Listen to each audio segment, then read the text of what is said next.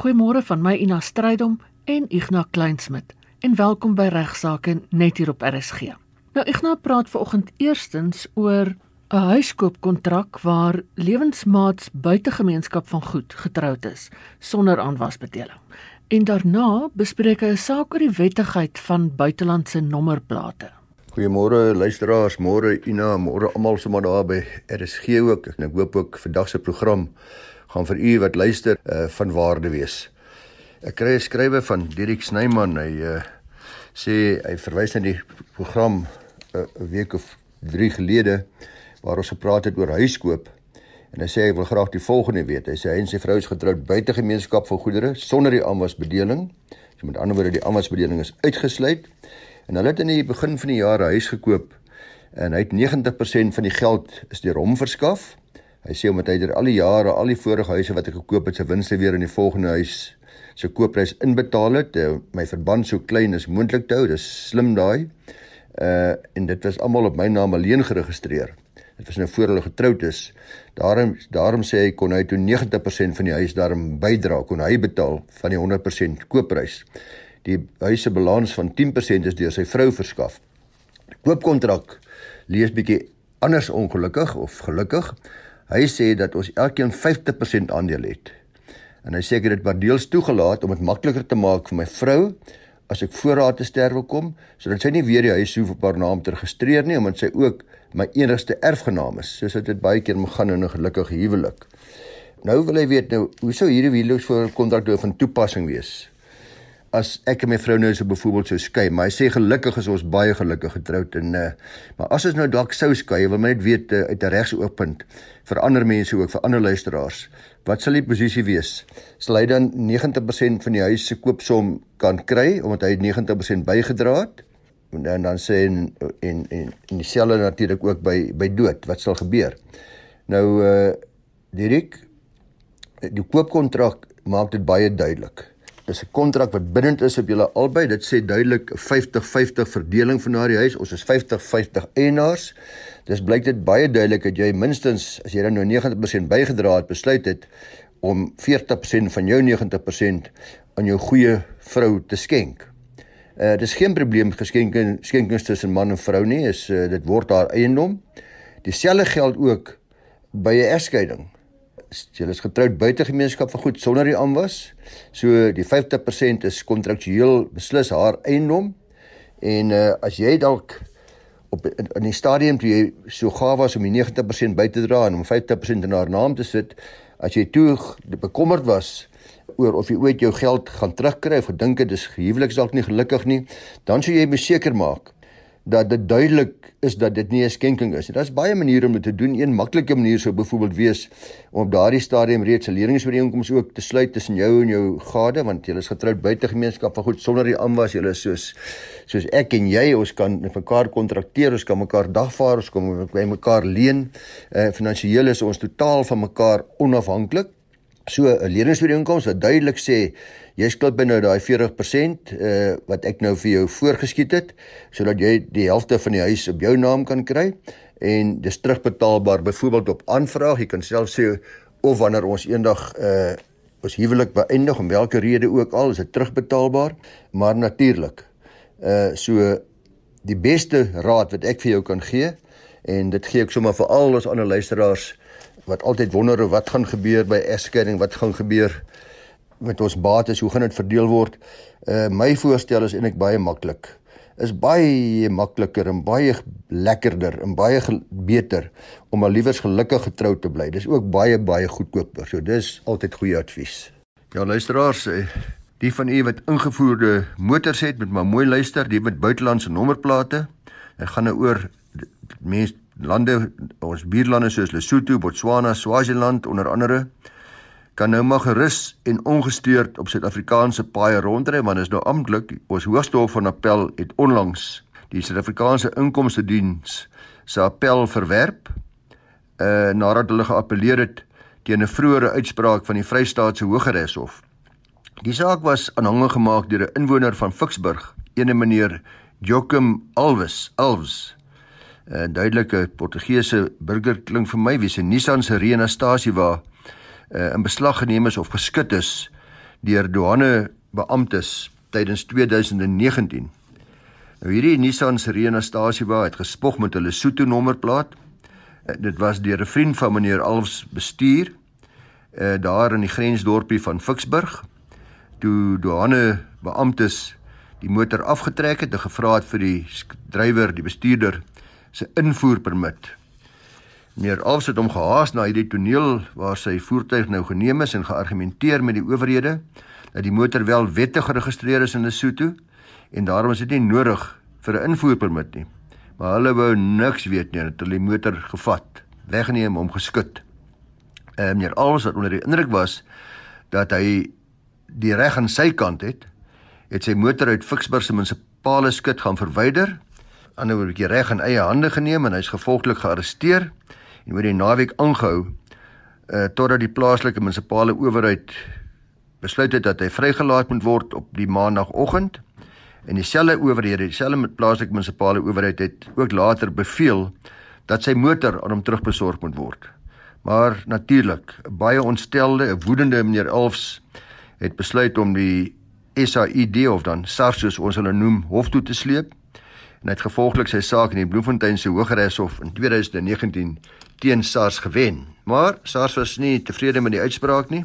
Hulle het besluit om daarteen te appeleer die hele pad na die Hoogste Hof van Appel toe en ook daar het die Hoogste Hof van Appel as volg beslis: "Sy die aansoek vir spesiale verlof om te appeleer is van die hand gewys met kostes as gevolg van die feit dat die vereistes vir spesiale verlof om te appeleer in hierdie geval nie nagekom is nie. Dit blyk duidelik luisteraars dat belastingbetalers vir hierdie litigasie natuurlik moes betaal want SARS is ook met 'n kostebevel gepenaliseer en die regskoste vir meneer Alf se regsdienwoordiging alleen het op daardie stadium volgens die media reeds meer as 'n miljoen rand beloop en dit is natuurlik uitgesluit SARS se eie regskoste as dit aangegaan is vir hierdie saak. Die oorspronklike koopprys van meneer Alf se motor was slegs R40000. Wat 'n druppel in die emmer is in vergelyking met die reskoste van die saak wat nou deur ons inkomste diens en indirek met ander wat deur ons as belastingbetalers maar uh, aan meneer Alf terugbetaal moes word. Nou die SA inkomste diens is regspan aangevoer dat meneer Alf se motor geskit is in gevolg artikel 88 van die douane en aksieswet wat enige beampte, landdros of 'n lid van die polisie bemagtig om enige skip of 'n voertuig, plantmateriaal of goedere in besit te neem by enige plek vir die doel om vas te stel of daardie skip of daardie voertuig of daardie plantmateriaal of goedere onderhewig is aan moontlike verbeuring daarvan in gevolge hierdie wet op douane en aksies. Meneer Alfs is 'n prokureur of advokaat, regsverteenwoordigers het aangevoer dat hierdie betrokke artikel in die wet so sleg, so vaag bewoord is dat enige Suid-Afrikaner wie sy motor plaaslik gekoop is en ook nou ook onderhewig is aan daardie artikel en dit kan tog nooit wees nie. Dit beteken dat enige iemand aan dieselfde behandeling as meer als blootgestel kan word wat 'n duidelike inbreukmaking is op ons almal se grondwetlike regte om nie arbitrêr van ons eiendom ontneem te word of onteien te word nie. Nou Lesotho insluitende Botswana, Swaziland, Namibië en Suid-Afrika luisteraars vorm deel van uh SACU. SACU is in Engels South African Customs Union of SADU seker in Afrikaans, Suid-Afrikaanse Douane Unie. En al hierdie lande is onderhewig aan 'n enkele tarief. Daar is ook geen spesiale douane pligte tussen lede van hierdie lande nie wat beteken uh, dat motors van lidmaatlande vrylik op Suid-Afrikaanse paaie kan rondrit. Hierdie saak is maar een dink ek uit talle waar motors deur douane amptenare in beslag geneem is of geskit is en gelukkig is daar nou baie groot duidelikheid deur ons uh, howe gebring en dit is op die oomblik behalwe was daar 'n nou verdere stappe geneem word en nou na die grondwetlike hof toe is dit amptelik dat eienaars van ingevoerde motors met buitelandse nommerplate insluitende al ons buurlande kan nou gerus en ongestoord op Suid-Afrikaanse paaie rondry. Ek nou wat staan 'n enkel ma te doen as sy nie die kind se pa in die hande kan kry nie. Ja, so baie dames het dieselfde probleem, die kind se pa het van die aardbol af verdwyn. Hy is net nêrens nie. Soms het ek hom tog dringend nodig. Is daai soort van pa wat niks van die kind wil weet nie en of daar's baie goeie redes partykeer daarvoor, maar verdwyn van die aardbol af. Ek benodig byvoorbeeld sy handtekening of sy toestemming vir 'n paspoort Wat nou? Wat doen ek? Kan hom nie opspoor nie. So 'n briefie gekry van uh, Lisel Maree en sy sê haar ma luister graag na die program en die ma het my maar voorgestel dat sy moet ons nader 'n bietjie vir advies. Ongetroude ma, dogter is 11 jaar oud. Die uh, die pa van hierdie kind het hulle al verlaat toe die dogter omtrent so 2, 3 jaar oud was, soos al 8, 9 jaar gelede. Geen kontak nie. Ons weet nie waar in die wêreld hy tans is nie. Uh sy het hom gedagvaar vir onderhoud op 'n stadium, hy toe rukkie betaal opgehou, weer gedagvaar, hy het nie by die saak opgedaag nie. Daarna net verdwyn en nooit weer gesien of van hom gehoor nie.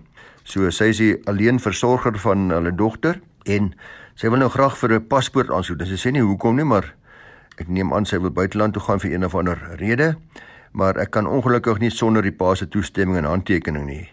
Word vir my gesê uh, want sy sê ook op die geboortesertifikaat is die pa wel deeglik aangeteken. Is daar enige manier wat kan sy doen? Is daar wetlike stappe wat sy kan neem? Ek weet nie hoe om die pa op te spoor nie. Ek kan probeer.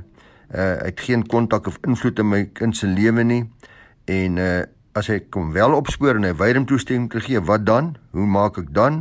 Want dit is net al 9 jaar wat hy geen aandag of belangstelling of versorging toon in sy kind nie en as ek opspoor wat sal 'n volgende stap wees en dan vra sy nou maar raad. Ek het vir 'n jong familiereg prokureur hier by ons uh, gevra vir my die antwoord te gee en ek stem julle hartig met die Elmarie Rigter se antwoord saam. Sy sê dat die luisteraar wil graag aansoek doen by binnelandse sake vir haar dogter se paspoort en die, die luisteraar is reg die advies wat sy gekry het dis die pa se toestemming hier vir nodig het is waar.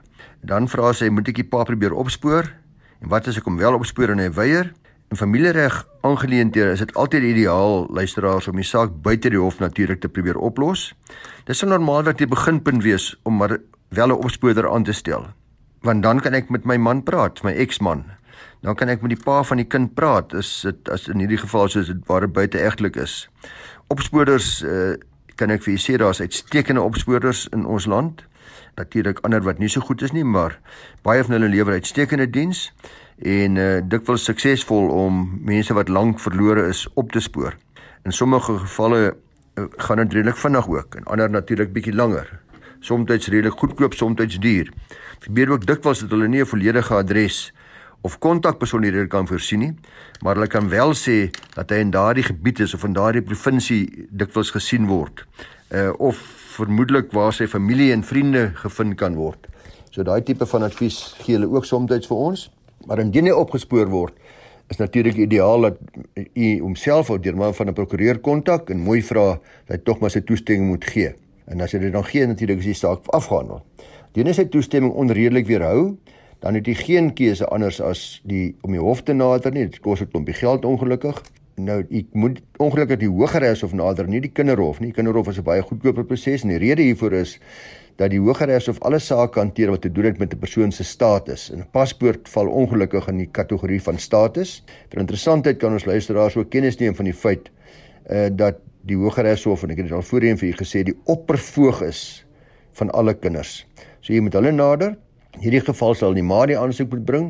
Hierdie aansoek sal die volledige geskiedenis moet dit insit van wat gebeur het, verlede verduidelik moet word uh dat die pa weier om toestemming te gee, onredelik weier. Uh neem kennis dat die toestaan van die aansoek sal afhang van die beste belang van die kind. Dis maar altyd so. Daar moet dan baie duidelik en baie volledige redes aangevoer word waarom hierdie aansoek vir 'n paspoort dan nou in die beste belang van die klein ding is. Indien die hof dan tevrede is, dan uh, sal die hof 'n bevel maak dat die pa omdat hy op on onbillike gronde weier sy toestemming nie langer nodig is nie en dat die ma kan voortgaan sonder toestemming van die pa en hierdie hofbevel sal dan balanse sake toe gaan dit uh, waar hy aansoek doen om sonder die pa paspoort te kry en hulle sal dan hierdie aan hierdie hofbevel gehoor gee. Maar wat nou gebeur as hierdie ma die pa glad nie opgespoor kry nie? Indien die ma nie die pa opgespoor kry nie, is haar enigste opsie steeds om weer eens die hof te nader, hierdie keer vir ander tipe van verligting Die inhoud van 'n aansoek sal bietjie verskil want sy sal nie sy sal aanvoer dat dat hy nie weier om toestemming te gee nie, maar dat daar geen manier is om hom op te spoor dat sy alles probeer het dat hy verdwyn het. Daar's nou 'n addisionele aspek wat hier ter sprake kom. Ons weet dat die pa in kennis gestel moet word van die aansoek sodat dit die geleentheid gegee word om hierdie aansoek te openeer. Maar hoe beteken ons nou hierdie aansoekbom indien ons nou opgespoor kry nie? Die hof, die wet maak voorsiening vir 'n paar maniere. Ons maak gebruik van sogenaamde vervangende betekening. En mens kan ook gebruik maak van soms van erektale citasie. Vervangende betekening is in die plek gestel om hofsukke op 'n persoon te beteken en die mens nie presies weet waar hy in die hande gekry kan word nie. Dis in plaas daarvan dat die balie die persoon vind en om persoonlik die dagvaarding beteken of die aansoek gee die hof dan 'n spesiale toestemming dat dit in 'n in 'n koerant gepubliseer kan word in die gebied waar jy laas gewoon het of dalk nasionale koerante nou of die hof sal toestemming gee dat die aansoek elektronies beteken word op sy selfoonnommer of per WhatsApp of e-pos dit is ook moontlik die hof het al sulke toestemmings gegee ook of sy naasbestaande familie uh, wat bekend is, sy ma, sy pa, die soort van dinge, susters, broers. En hierdie proses gee dan die ma geleentheid om voort te gaan met haar aansoek en om hom steeds te beteken al weet sy nie presies waar hy is nie. Indien daar beweerde die pa in die buiteland woon, word dit bietjie moeiliker. Daar's 'n uh, betekening met wyse van die rektale sitasie. Ek gaan nie met al daardie dinge nou vermoei nie. Dis 'n proses wat ook gevolg moet word, want ek wil nou nie ons luisteraars oorweldig met al hierdie ingewikkelde prosesse nie, maar die kruks hiervan is daar's wel verligting vir die enkel ma. Die remedie is ongelukkig nie altyd goedkoop nie, uh, want mens met die hof nader. En ons howe sal heel eers kyk na die belang van die kind. Ongelukkig gaan dit vir haar geld kos en my advies aan luisteraars is indien jy in die omstandighede is, moet jy maar proaktief optree. Wat sien 'n prokureur so gou as moontlik. In hierdie geval moet die koste probeer vermy word want soos u nou alreeds weet in hierdie geval is die kans amper nul dat u dit van hierdie pa gaan verhaal. Ongelukkig gebeur daar selfe wonderwerke dat werklike aksie is nodig. U kan ook as u finansiële probleme het, uh, Lisel kan sien die regstellpraat in u gebied of universiteitskliniek as daar een naby u is. Uh, dit is waar die inkomste van so aard is dat jy daarvoor kwalifiseer. Uh, u sê nie wat die rede vir die aansoek is 'n paspoort nie. Dit sal ook 'n groot rol speel om te bepaal of die hele proses die moeite en al die geld werd is.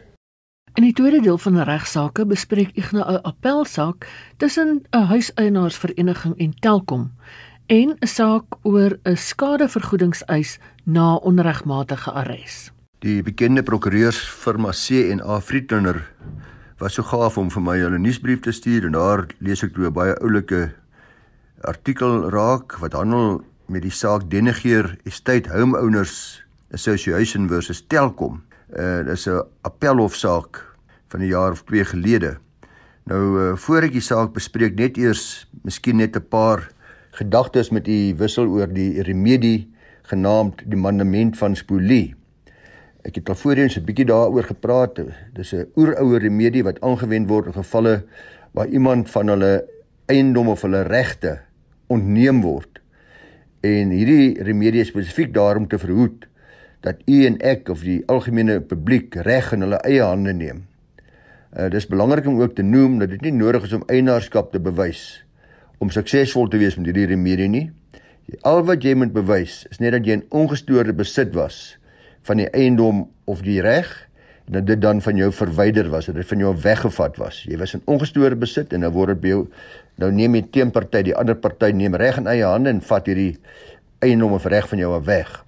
Maar onthou dis net 'n tussentydse remedie en hierdie tussentydse remedie doen niks meer as om net die besit te herstel nie uh op die stadium wat mense na hierdie uh monument van Spolene Hof kyk, dan vra die hof nie die vraag oor wie die werklike eienaar is nie, want hierdie dispuut oor wie die regmatige eienaar is sal nou eers later volg. Dit is nie ter saake nie, al wat ter saake is is of my ongestoorde besit weggeneem is van my af. So interessantheidshalwe uh hierdie remedie kom uit die Romeinse Hollandse reg en wat moet ek bewys om te slaag met so 'n monument van Spolie? Uh daai spoliasie aansoek. Eerstens moet ek bewys dat ek in vredesaam en ongestoorde besit was en tweedens dat daar onregmatige ontneming was van hierdie besitsreg. Nou wat het gebeur in hierdie saak van Denegeer Estate Homeowners Association versus Telkom? Uh, Denegeer is 'n private residensiële landgoed daar in Somerset Wes. Hulle het in die jaar 2000 al met Telkom oor die inkomste aangegaan om telefoon en ADSL dienste te lewer. Ja, die ontwikkelaar van die landgoed het die nodige ondergrondse infrastruktuur gebou, onder andere die kabelkanale en Telkom het natuurlik daarna die kabels en daardie kanale geïnstalleer. Die mangate uit die ondergrondse kanale het dus aan die huiseienaarsvereniging van Denegeer behoort. In 2016 gebeur daar toe iets anders te want Vodacom kom in die prentjie en uh, waarna hulle toe die optiese veselkabels geïnstalleer het in dieselfde kabelkanale. Nou dit het nou nie die dienste wat Telkom gelewer het belemmer nie, maar Telkom het wel aangevoer dat hulle voorwoude kom op hierdie denegeer se horison verskyn het en dat hulle vrye en onbelemmerde besit gehad het van hierdie infrastruktuur wat hulle daar gebou het en gelê het. Telkom het gesteun op artikel 22 van die elektroniese kommunikasie wetgewing. Dis 'n wet van 36 van 2005, dit praat altyd van die EK-wet, die ECA wet. En het hulle gewend tot die uh, Hoër Hof te Kaapstad vir 'n spoliasiebevel. Hulle beweer dat artikel 22 vir hulle eksklusiewe regte gee tot kabelkanale, selfs die ongebruikte spasie binne daai kanale. So ek grawe die kanaal, ek lê my kabel daar, nou kom Vodacom en hulle lê ook hulle kabel in dieselfde kanaal. Hy kon dan sê Telkom, julle mag nie, dis ons kanaal daar, ons het eksklusiewe reg op daai kanaal. Nou die ek gaan met vir julle die belangrikste bepalinge aanhaal van artikel 22. Die wet is net in Engels geskryf en hy sê in electronic communications network service licensee may enter upon any land including any street, road, footpath or land reserved for public purposes, any railway and any waterway in the republic. Sê may ook construct and maintain an electronic communications network uh, uh, gaan hy aan on any land including any street, any road, any footpath or land reserved for public purposes may ook alter or remove its electronic communications network or electronic communications facilities and may for that purpose attach wires, stays or any other kind of support to any building or any other structure. Nou die Hooggeregshof het Telkom se aansoek toe in 2017 toegestaan hierdie mandement van spolie en vir Vodacom beveel om sy veebelkabels te verwyder om sodoende Telkom se onverstoorde besit te herstel. Dit was gevolge die mandement van Spolie en met die huiseienaarsvereniging en Vodacom het hulle egter gewend tot die Hoogste Hof van Appel nadat die Hooggeregshof hulle aansoek om verlof tot appel geweier het vir hulle toestemming tot appel en hulle vra nou uh die appelhof om in te meng. Nou die Hoogste Hof van Appel het toe die volgende beslis luisteraars. Hulle sê Telkom het eerstens nie die infrastruktuur besit nie. Aangesien die huiseienaarsvereniging net hulle die regmatige eienaar was en die regte afkomstig van artikel 22 is slegs beperk tot die spasie wat Telkom se kabels fisies beset het en nie die oop ruimtes, nie die hele kanaal nie, nie nie die oop ruimtes om die kabels nie. Tweedens sê die Appelhof Vodacom se optiese veselnetwerk het nie Telkom se gebruik van die kanale en Telkom se dienslewering enigsins verhinder nie, so daar's nie uh, iets wat hulle gehad het weggeneem nie. Telkom het nie die oop ongebruikte ruimte in die in die kabelkanale besit nie en as Vodacom se optrede dus nie 'n daad van spoliasie nie en gevolglik luisteraars word die aansoek van die hand gewys en die hof het beveel dat Telkom die huiseigenaar vereniging en Vodacom se kostes moes betaal. Dankie ook aan Susanne Wet, die knap jong prokureur by Van Velden Duffy wat hierdie saak vir my voorberei het. Talle Suid-Afrikaners word in selle gestop en dan word daar later nadat hulle 'n dag of meer in dieselfde deurgebring het word die klagtes later deur die nasionale vervolgingsgesag teruggetrek en dan word hulle weer vrygelaat omdat daar nie 'n prima facie saak teen hulle is nie of nie 'n saak wat bewysbaar is nie. Nou uh wat is die rede daarvan? Nou kan ons sê dis oorywerige wetstoepassers. Ja, soms seker so. Bullebak boelie taktiek. Ek dink ja, beslis ook soms so vanaf ons wetstoepassers blote onbevoegdheid. Ja, ek dink dit is ook 'n groot rede vir hierdie onregmatige arrestasies. Maar ek weet nie van julle nie, van julle wat luister nie, maar vir my, een van my grootste nagmerries is om onskuldig in 'n sel te beland, want daar's talle gruie stories word vertel oor alles wat 'n mens daar kan mee deurmaak. En uh nou ja. Uh baie keer is dit maar wollaar stories, maar baie keer is dit ook waar, soos in hierdie geval van ene Marchant Mumford. Hy was gearresteer in Mei 2016. Die, ek weet nie wie die, wat die klagtes teen hom was nie. Dis ongelukkig nie bekend nie, maar hy was vir die eerste nag aangehou in 'n Kreersdorp polisiestasie selle. Toe sy geskuif na die Momombela aan Elspruit se polisiestasie. Nou tydens sy eerste nag in Kreersdorp se polisiestasie was hy in 'n sel geplaas volgens sy getuienis waar die toilet nie 'n deur gehad het nie. Toilet was buite werking, verstop, vol ontlasting. Die volgende dag was hy na Mbombela polisiestasie toe geneem. Daar het hy 2 nagte deurgebring. Die omstandighede was nie veel beter as by die vorige stasie nie. In hierdie sel het hy 2 nagte langs die toilet deurgebring. Was ook verstop, vol ontlasting, gevolglik geweldige aangename reuke afgegee En na aanleiding van hierdie 3 nagte het hy 'n eis vir skadevergoeding teen die SAPD gebring, sy polisiediens, waarin hy aangevoer het dat hy in onmenslike omstandighede aangehou was. Hy sê hierdie omstandighede het inbreuk gemaak op sy reg tot menswaardigheid. Hy baseer sy eis luisteraars natuurlik op die grondwet wat dit duidelik maak dat elkeen van ons, elke persoon in aanhouding, dit sluit in 'n ou wat reeds gefonnis is, 'n prisonier, 'n misdadiger, almal die reg het tot omstandighede wat strook met menswaardigheid. Die regter het uh, met meneer Marchant Mumford saamgestem en bevestig dat dit van die uiterste belang is dat persone in aanhouding met respek en met waardigheid gehanteer word. Hy het verder gegaan en genoem dat die verpligting op die polisie rus om te verseker dat alle selle en toilette skoon is en in higiëniese toestande is en in 'n menswaardige situasie daar skep vir die mense wat in daardie selle gestop word. Die regter bevind dat uh, meneer Mumford suksesvol is met sy skadevergoedingseis en hy het beveel dat vir hierdie 3 nagte met die Suid-Afrikaanse polisie 'n bedrag van 120 000 rand aan hom betaal plus natuurlik ook sy kostes. Baie dankie aan die Prokureursorde van Suid-Afrika wat regsaake vir ons moontlik maak. Groete tot volgende week.